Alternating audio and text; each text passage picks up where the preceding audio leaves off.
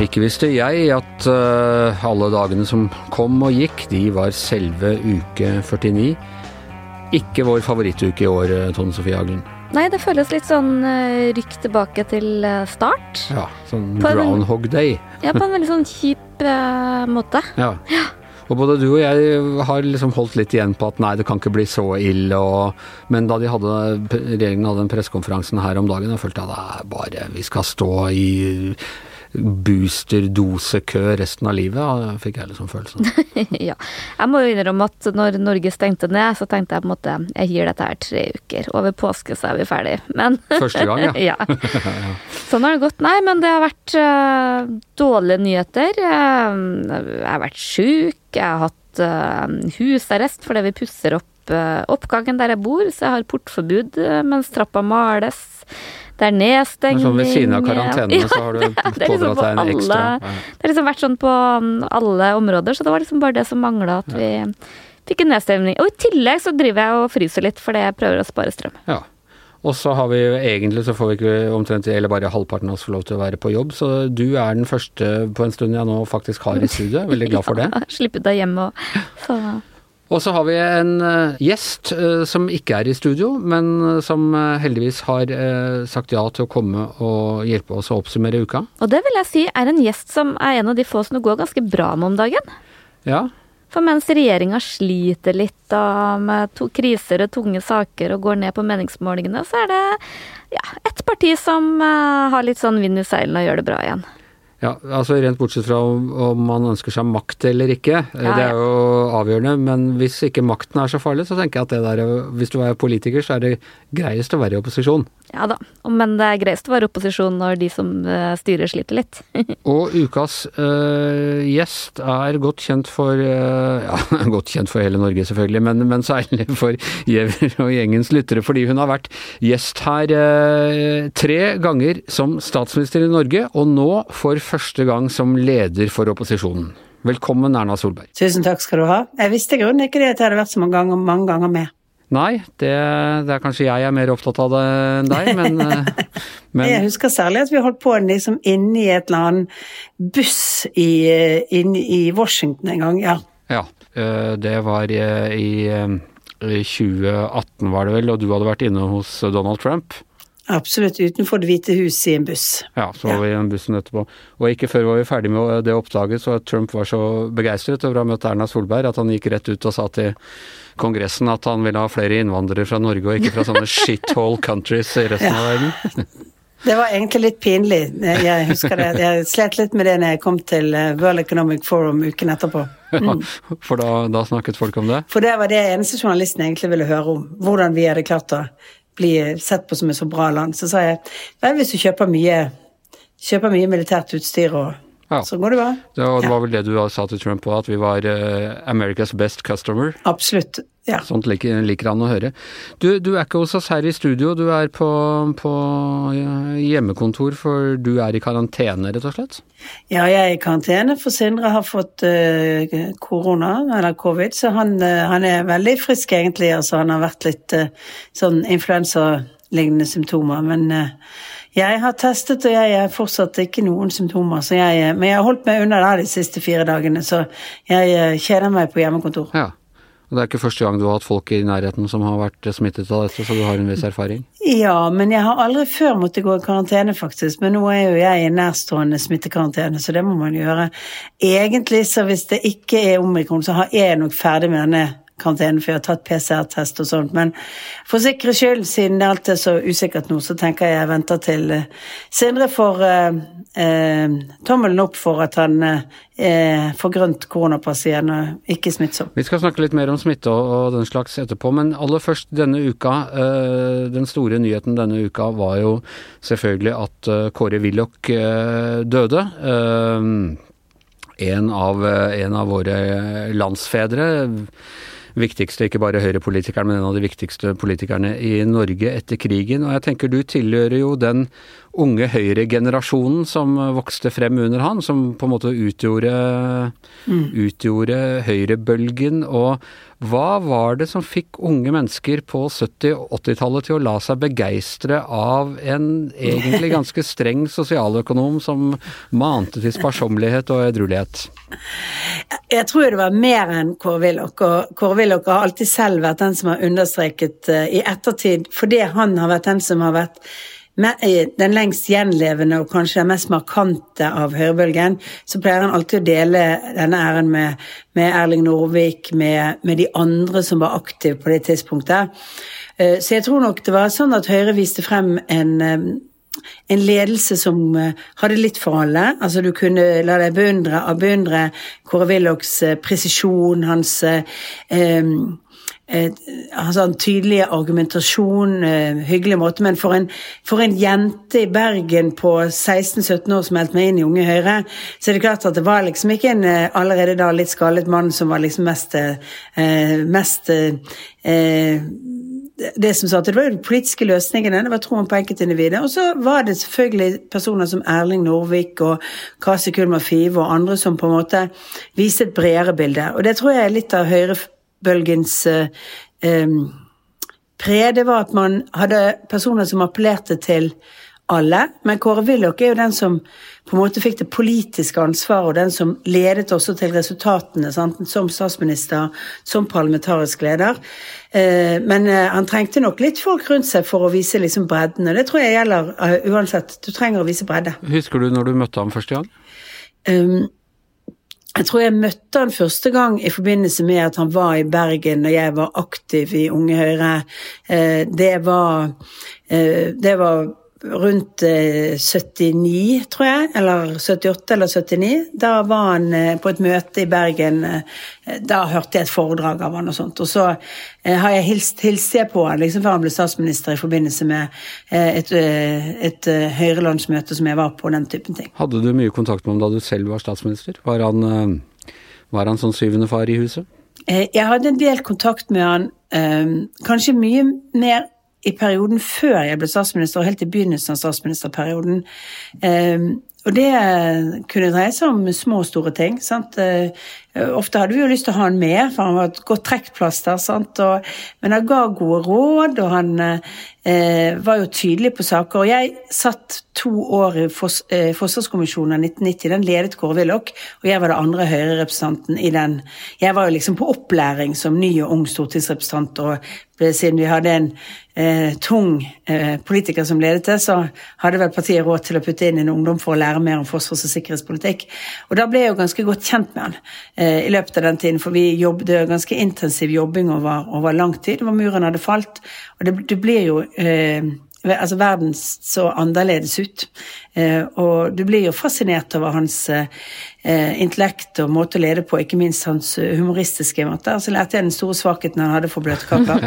Han klarte altså å finne opp en unnskyldning for en bløtkake på ethvert møte vi hadde. Det var, og da hadde han sikkert en rasjonell forklaring på dette òg, tror jeg? Eh, veldig rasjonelt. Han, han, var veldig sur når folk hadde bursdag for tett sammen, sånn at det gikk glipp av et par bløtkaker fordi at det var liksom to-tre som hadde hatt, bursdag imellom disse. Han, hadde, han, han har gitt mange gode råd, og jeg tenker egentlig at det viktigste han sa eh, til meg på et tidspunkt, må huske at det er eh, at, alt, eh, at, han mente at det var mye hyggeligere å ha vært statsministeren enn å være statsminister.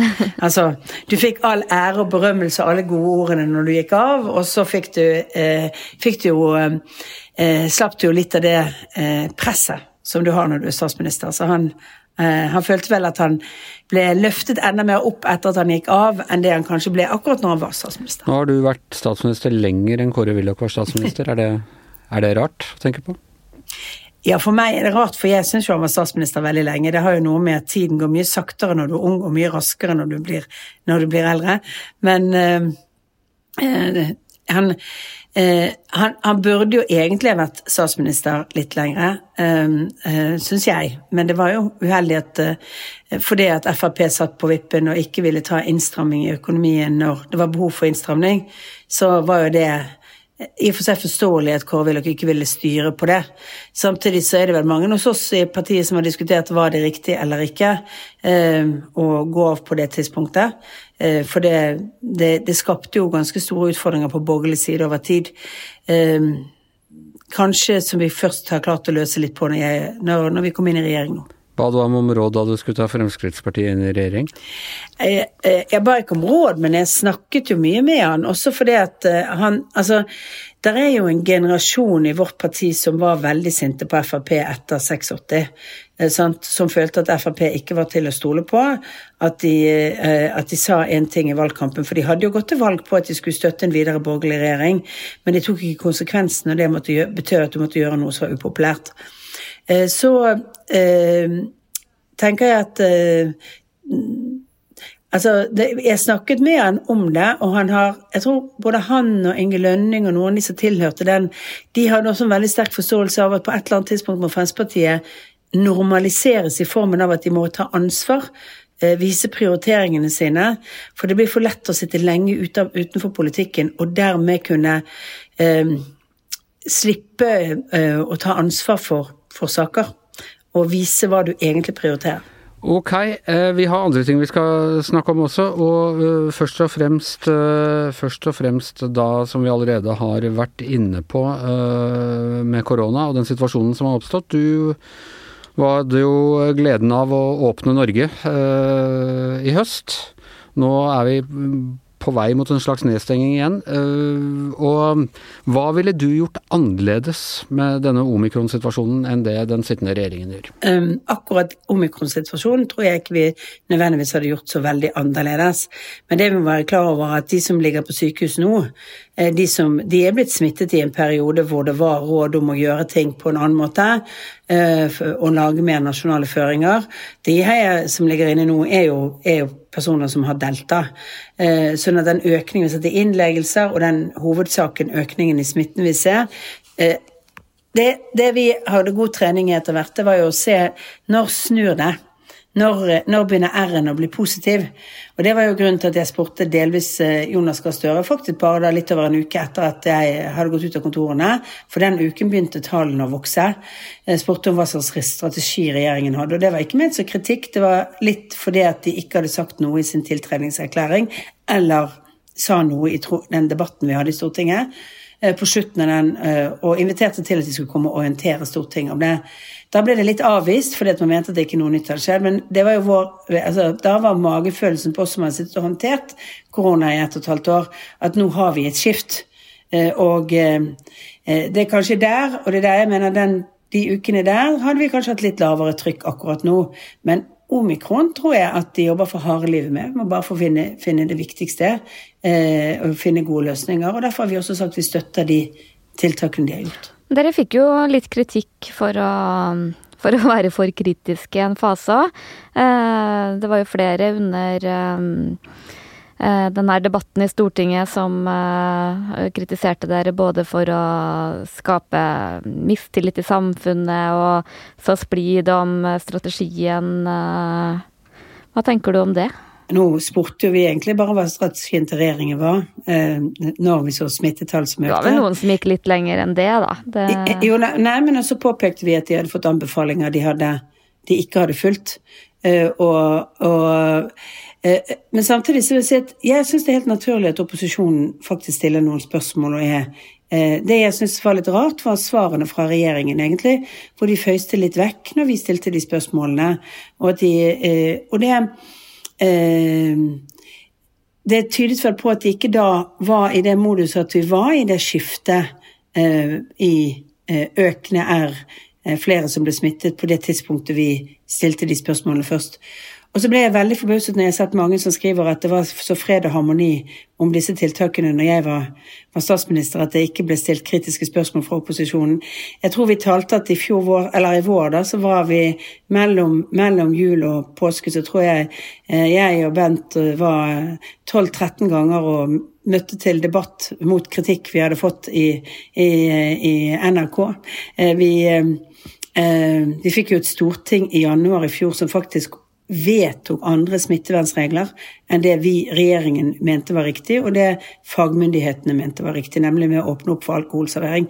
Så jeg syns hukommelsen er litt kort på hva man selv har gjort. Ja, Men det er vel litt forskjell på den tidlige fasen. Da fikk dere ikke så mye kritiske spørsmål. Det endra seg vel litt med tida? Ja, på den tidlige fasen hadde vi ingen, eh, ingen, ingen av oss hadde veldig mye kunnskap om hva som skjedde. Nå har jo vi ganske mye kunnskap, og det lå faktisk råd man ikke fulgte. Det har jo vært kritikken vår. Eh, så mener jeg at nå får vi jobbe med de tiltakene regjeringen har om omikron, men vi hadde, vært, vi hadde nok hatt litt eh, Eh, altså vært litt bedre stilt i møte med omikron akkurat når vi kommer i denne første fasen. Eh, hvis litt færre hadde vært smittet med delta, hvis man hadde lagt litt nasjonale tiltak. F.eks. endte opp med å innføre nærkontaktkarantene litt tidligere, som var en av anbefalingene. Den som jeg nå sitter i. Men er du enig med ja, det er vel både Venstre og KrF, eh, og for så vidt også Frp, var jo ganske tydelige på at de syntes regjeringa var uforberedt, og at de røra og Nei, Altså, vi tok ut vår kritikk i forrige uke knyttet til at vi mente de var sent ute med de De kunne begynt med de tiltakene de vedtok i forrige uke, på et tidligere tidspunkt, for anbefalingene lå der.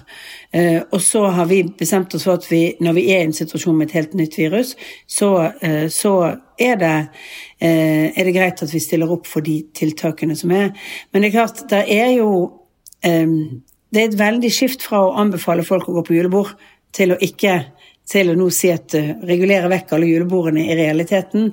Men det skyldes også at det skjer et relativt raskt stort skift. Mm. Men jeg ser jo at veldig mange næringsdrivende og andre føler liksom at det ble veldig fort skifte fra liksom eh, Og eh, så tenker jeg at veldig mye av dette sånn, eh, forstår seg på etterpå. Men, eh, men de, de, kunne vært litt bedre forberedt på ved at vi hadde litt, tatt litt tiltak tidligere som hadde ikke vært nok i dag, men som hadde kanskje vært nok på det tidspunktet det steg. Du, vi må snakke litt om den store andre eh, tingen som, som rir oss for tiden, og det er eh, strømprisene. Eh, hvem har ansvaret for at strømprisene er blitt så høye? Er det den forrige regjeringen, eller er det den sittende regjeringen? Jeg vet ikke hvem, hvem har ansvar for regnværet. Det altså, vi, vi, vi, må, vi, må, huske at det er relativt lavt. altså Lav fyllingsgrad skyldes ikke bare at man har tappet, det skyldes jo at det har vært regnet lite i de områdene hvor vi har magasiner i år. Jo, altså, men det, det, har vi, det, har vi, vel visst om fra før, at uh, regnværet kan variere noe på høsten? Ja da, og uh, derfor tapp, men nivået er litt ulikt. Men det er derfor det er en sum av ulike grunner til dette. Eh, det er en sum av eh, Noe av det er selvfølgelig kabler og eksport, men hovedtyngden er jo at det har blåst for lite på kontinentet. De har dermed etterspurt mer, og prisen er blitt mye høyere de andre stedene. Så, eh, så dermed så har man fått et høyere prisbilde. Gassen, som nå er blitt veldig ettertraktet, har en, en mye høyere pris. Det slår inn i all annen prissetting på, på, på energi. Eh, så, så det er nok en sammenheng i alle disse områdene. Men vi, vi, ville jo hatt utfordringer når det var lite regnvær med høyere priser i Norge, men kanskje ikke så høye priser som vi ser akkurat nå, hvis vi hadde hatt et tørrår og ikke hadde hatt eh, tilgangen på, på kraft fra andre, eller hatt eh, utveksling av kraft over tid. De de beregningene som er gjort før, er jo at kraftnivået, prisen, vil være litt høyere pga. Eh, samarbeidet internasjonalt, men at du vil få færre av de høye toppene. Er ikke det veldig sårbart? Hvis det blåser litt lite i Europa, så får vi de monsterregningene?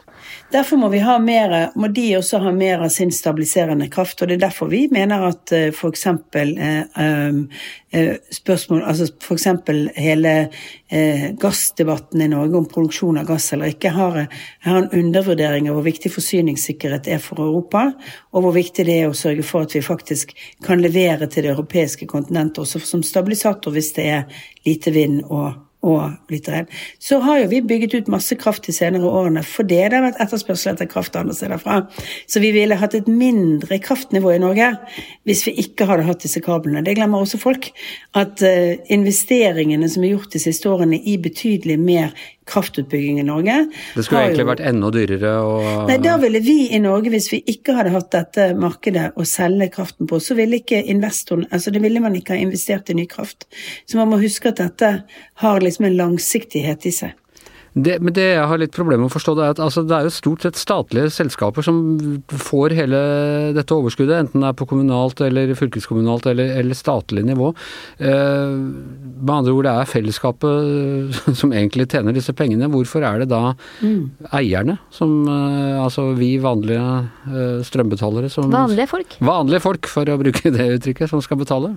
Jeg tenker at både vanlige og uvanlige folk betaler, men det er jo der eh, litt av den eh, løsningen hviler inn eh, i, eh, i vårt eh, budsjett i Stortinget nå, det var jo å føre det utbyttet fra Statkraft tilbake til, til, forbrukerne, og de med lavest inntekt, de med under 1,2 millioner i, i familieinntekt. At du da ville føre pengene tilbake igjen. Og det kan man gjøre. Det kan kommuner gjøre som får ekstra inntekter.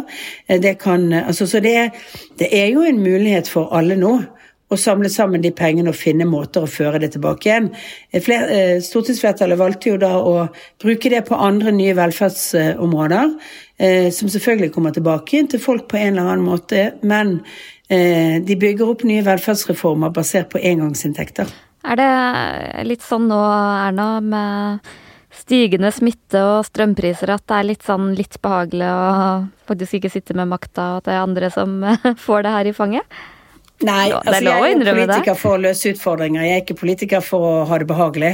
Da hadde jeg valgt et annet yrke eller gjort noe annet. Eh, jeg. Altså jeg, eh, jeg mener at du klør litt i å faktisk eh, kunne bygge et flertall for å lage de gode løsningene. Du har jo også da, som følge av, av dette, så har du da flytta ut fra statens representasjonsbolig bak Slottet og inn på en stortingshybel. Vi har sett at du har vært på En pendlerleilighet. det høres ut som et, ja. et, et banneuttrykk for øyeblikket. ja, ja, nettopp. Vi hadde lyst til å si litt om det. Hva, hva tror du alt det, dette fokuset på mange politikere som har ja, i beste fall ikke forstått helt disse reglene for, for pendlerleiligheter, eh, og i, i, verste fall direkte lurt, eh, lurt eh, staten for å eh, berike seg selv. Eh, hva tror du det gjør med tilliten til, til politikerne på lang sikt? Nei, det skader tilliten til politikerstanden på all round, tenker jeg. Eh, og det er derfor jeg sa også når vi begynte den diskusjonen eh, i valgkampen, sa at det er jo veldig viktig at man eh, ikke bare følger reglene, men man også tenker over eh, hvilken eh, selv om man er innenfor reglene og innenfor skattereglene, og alt sånt, tenker over hvordan dette ser ut. altså Tenker over liksom om, om dette er riktig å gjøre. Uh, og Der er det nok noen som har presset noen grenser for hva som er. Og så får uh, skattegjennomgangen annet være uh, en eh, altså ta spørsmål om de har gått over de formelle grensene. Men det er klart, du skal ha behov for en pendlerleilighet eh, for at du skal ha den. Sant? Det er liksom helt grunnleggende. Og det betyr at du skal ha hus og bolig og utgifter et annet sted. Eh, og så blir det viktig å passe på at man ikke ender opp i en sånn eh, situasjon hvor det å være stortingsrepresentant utenfra Oslo og, og, og Viken eller nærområdet i Akershus Eh, så at, eh, at, det blir så vanskelig at du ender opp med at de eneste som blir den eh, varige Altså være med lenge som politikere, blir partiledere, og alt kommer fra Oslo og Akershus-området. Fordi at det er de som kan leve normale liv med sine familier. Mens resten av oss som da trenger en pendlerleilighet, har bolig og tilknytning et annet sted, eh, opplever dette som så vanskelig at man rett og slett eh, Eh, slutter i politikken. Og det tror jeg man må tenke gjennom. For det er en belastning når du pendler inn for å jobbe et annet sted, og du har familie boende. Jeg har jo valgt å ta min familie til Oslo. Jeg har fått barn mens jeg har vært stortingsrepresentant. Og vi har jo hus og bolig som vi, som vi bor i når vi er hjemme i Bergen, for å ha den tilknytningen. Eh, og eh, man må bare passe litt på det, for man kan gjøre skader på demokratiet også ved å ikke forstå hvordan du får hele landet med i beslutningsprosessene. Jeg leste en artikkel i dag om at man burde avvikle hele ordninga med stortingsleiligheter, og at uh, stortingsrepresentantene burde ordne seg sjøl. Ja. Så det sier jo liksom litt om uh, hvor galt det kan gå. Jeg er jo så gammel at dette var en reell diskusjon i 1993. Før 1993 så man, betalte man litt husleie, det var under markedsleie, men man fikk også en leiestøtte. Så det gikk opp i opp, men du kunne velge å bosette deg for den leiestøtten et annet sted. Og noen gjorde jo det som en introduksjon til å komme inn i boligmarkedet i Oslo, eh, og kunne da leie og bo i sin egen bolig. Eh, så syns man at det ble også feil den gangen, og da endte man opp eh, med å ha den ordningen man har i dag med gratis uten at du betaler noe, noe leie. Men, men du, hvis du skal få et fungerende system for hele landet, så må jo altså de representantene som har familie som bor andre steder og kommer andre steder fra, de må jo faktisk ha et sted å bo. Og de må kunne fungere i familielivet sitt sånn, som, sånn, som, eh, eh, sånn at det blir et demokrati som inkluderer hele landet. Jeg tror for så vidt vi enige om det, men er det ikke noe i kulturen hvor eh, ja, jeg klarer liksom ikke å se at liksom enkeltpersoner her er kjeltringer, eller sånn, men hvor det liksom har blitt en litt sånn eh, Ja, man drar det litt lenger og tenker at alle andre har det sånn, og sånn har det alltid vært, og jeg fortjener det, og at man kanskje ikke har vært god nok på um, å sette de grensene, da? Jo, det er ingen tvil om at eh, det har vært noen ordninger som innimellom eh, du liksom hører at folk bare tar for gitt. Sant? At sånn er det. At ja, sånn er det fordi at eh, Og det er jo også diskusjonen om hva har egentlig Stortingets administrasjon informert om til noen av de som har Altså han eh, representanten fra, fra SV som jo fikk e-post om at det var greit at han bodde i kollektiv eh, sammen med kamerater, eller at han bodde i en, eh, en hjemme hos foreldrene sine og likevel hadde pendlerleilighet. Altså det er jo svart på hvitt. Altså at det er en feilinformering så kan du si at vi skal alle sjekke våre egne men hvis ingen stiller spørsmål ved det, så er det kanskje vanskelig å tenke seg at du skal være ekspert på skattemyndighetene selv. Jeg var forbauset når jeg hørte noen av disse løsningene, for jeg trodde jo ikke det var lovlig, ut ifra at jeg har vært lenge på Stortinget. Og at du vet, jeg har alltid sagt at eh, skal du være reell, du må være reell pendler i form av at du må ha bolig og utgifter der det kommer fra. Men jeg er ingen tvil om at det kan utvikle seg litt sånn kultur. Jeg så vi hadde en ordning som ble avslått for 20 år siden, som jeg ble veldig forbauset over at noen mente var en ordning, når jeg hørte om den første gangen. Og det var jo at du kunne få etterlønn i ett og to år for å ta utdanning hvis du hadde vært stortingsrepresentant en periode eller to. Eh, det ble det jo en skandale av den gangen. Eh, og det var en veldig ny ordning som hadde dukket opp, og jeg hadde aldri Altså jeg hadde hørt om, jeg hørte noen som diskuterte det, sa at men det er jo ikke sånn det Den ordningen var jo laget for folk som har sittet lenge på Stortinget. altså Vi hadde en, eh, en typograf sant, som hadde vært fagforeningsmann, og som eh, Yrket hans var der ikke når han kom ut av Stortinget, og eh, eh, sant, trengte noe omskolering. At det var en sånn liten sosial ordning. Så det, så det er nok litt kanskje sånn at det utvikler seg sånn du hører på noen andre, hvordan gjør dere det, og så blir feil, feil spørsmålene for store. Det er jo, det forandrer seg over tid. Snakk om Kåre, Kåre Willoch. Jeg husker jo godt eh, den saken det var vist at han hadde mottatt lønn fra Rederiforbundet samtidig som han satt på Stortinget. Og da var det mange, ikke minst i Høyre, som forsvarte at det var en en kurant sak. Uh, det er vel ikke gangbart nå lenger? Nei, men så må jeg huske at nå er jo også stortingsåret utvidet. Du jobber mer enn du gjorde før. Når jeg begynte på Stortinget, hadde jeg en kollega som da hadde permisjon fra å være eh, politiadvokat. Eh, han fra, som vi egentlig, som, som også Tone kjenner, han brukte hver sommer på å jobbe seks uker hos, eh, på på, på politiet eh, eh, i, Trondheim, eh, og tok unna alle sakene for å ta ned køen. Så det var faktisk ikke uvanlig at man drev med andre ting, og ikke det var full tid på Stortinget. Nei. Jeg husker Raul Steen hadde sommerjobb i Arbeiderbladet bl.a., mens han var stortingsrepresentant. Så det, det, var litt på, på forskjellige, forskjellige måter. Kunne du tenkt deg sommerjobb i VG, da? Eh, det kunne jeg jo selvfølgelig ha gjort, men nå er det litt kortere tid. og så vet jeg ikke. Altså, det er veldig gøy i andre land hvor du har liksom helt sånne politiske altså Nesten aktive politikere eller nettopp avgåtte som får lov å ha talkshow og alt mulig annet på TV. Sånn er det jo ikke i Norge. Der, eh, der eh, kler man liksom av seg sin politiske tilhørighet når man går inn i journalistyrket. Eller kommentatorjobben. Eller så er det som Boris Johnson som starter som TV-underholder og, og, da jobber seg opp til, eh, til eh, statsminister. Du må jo spørre deg også da, apropos hybelleilighet og i det hele tatt og hele, du har hatt en eh, nedgang i boligstandard som er få forunt denne høsten. Ja. Hvordan opplever du det? Eh, Altså Bortsett fra at det er alltid veldig mye krav, uh, fordi at det mangler så mye altså Disse stortingsleilighetene er jo bare sånn litt grann møblert, sånn at du må ut og kjøpe TV, du må ut og kjøpe kjøkkenutstyr, og fikk plutselig sånn inn, fant ut at uh, alt kjøkkenutstyret mitt på ovnen ikke funket fordi det var induksjonsovn, og jeg hadde jo bare gamle uh, potter og panner liksom stående i, i en kasse i Bergen og sånn, så, så, så, så det er masse sånn praktiske ting som er, som er når du, så du flytter. Så, så så er det jo sånn, Statsministerboligen er jo en offisiell bolig. Det blir aldri hjemmet ditt. Du føler det aldri sånn.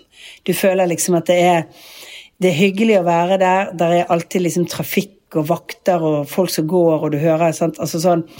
Så, så, så, i så måte så er det for seg greit å, å, eh, bo i en litt mindre leilighet. Eh, litt eh, dårlig plass til barna mine hvis de skal på besøk der, så Men ellers så, så eh, og, det, og så måtte jeg hive mye, da, for det var mindre plass til ting. Ja, Mye sånn gaver fra utenlandske statsledere og sånn som gikk på dynga? Nei, det, det er nedlåst i, på statsministerens eh, kontor, det. Det føles det sirlige eh, systemer for. Så der, det Jeg tror jeg har tatt med meg et pledd som jeg fikk fra en gutt i Notodden som hadde Downs syndrom, som hadde laget det til meg for noen år siden, og et par andre ting. Det var, ikke, det var i den klassen det jeg tok med meg når jeg sluttet. Jeg har jo fulgt deg litt på, i valgkampen og sånn, og vært litt eh, ja, lettere imponert over både tempo og alt du har rundt deg av PST og og opplegg. Hvordan er liksom den nye hverdagen? Eh, den nye hverdagen var jo at jeg måtte finne, for det første sørge for at jeg fikk med meg alt. Du aner ikke hvor, hvor mange ting du egentlig har lagt inn e-postadressen din på før du bytter e-postadresse. og begynner å lure på hvordan skal jeg komme meg inn på alt mulig sånt. Det er jo det, det er alle som skifter jobb, har det sikkert på samme måten. Så, så liksom eh, Og i litt hektiske dager før du går av som statsminister, så er det jo ikke alt det du husker på. Så jeg har drevet mye med gjenvinning av eh, å få tilbake. Jeg måtte få meg en ny eh, Snapchat-konto. For, eksempel, for det, det passordet og den adressen det var umulig å få åpnet igjen. Så litt sånne ting. Men uh, ellers så, så går det jo greit. Det er jo, det er jo fortsatt sånn at en Høyre-leder har litt hjelpeapparat på Stortinget. Det ryktes jo i stortingsgruppa at du har ja, at de nye energi og de nye tid brukes til mye idéproduksjon der. Det gjør det jo. Noen virker til og med litt stressa. jeg, jeg, sier også at jeg bruker litt sånn eh, jeg, jeg, føler meg litt som en coach i begynnelsen. Det er ikke så mange i Høyres stortingsgruppe som har opplevd å være i opposisjon.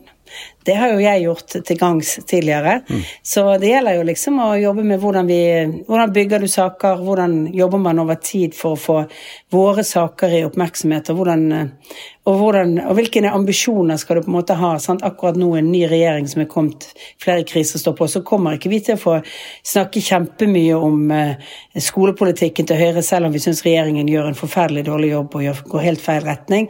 Men det kommer en gang hvor vi får lov å snakke om dette òg. Da gjelder det bare å ha jobbet opp. Jeg syns jo dere har tatt opposisjonstilværelsen veldig lett, da. da. Det påfallende friske øyne på ting. Er det ikke mye sånn 'dette har jo vi gjort, og dette har vi ansvar for', og at det føles at man må sitte en stund og vente? Ja, men de fleste av de tingene vi har gjort og tatt opp nå, er jo saker som er knyttet til eh, nå-situasjonen, og til at regjeringen endrer på ting.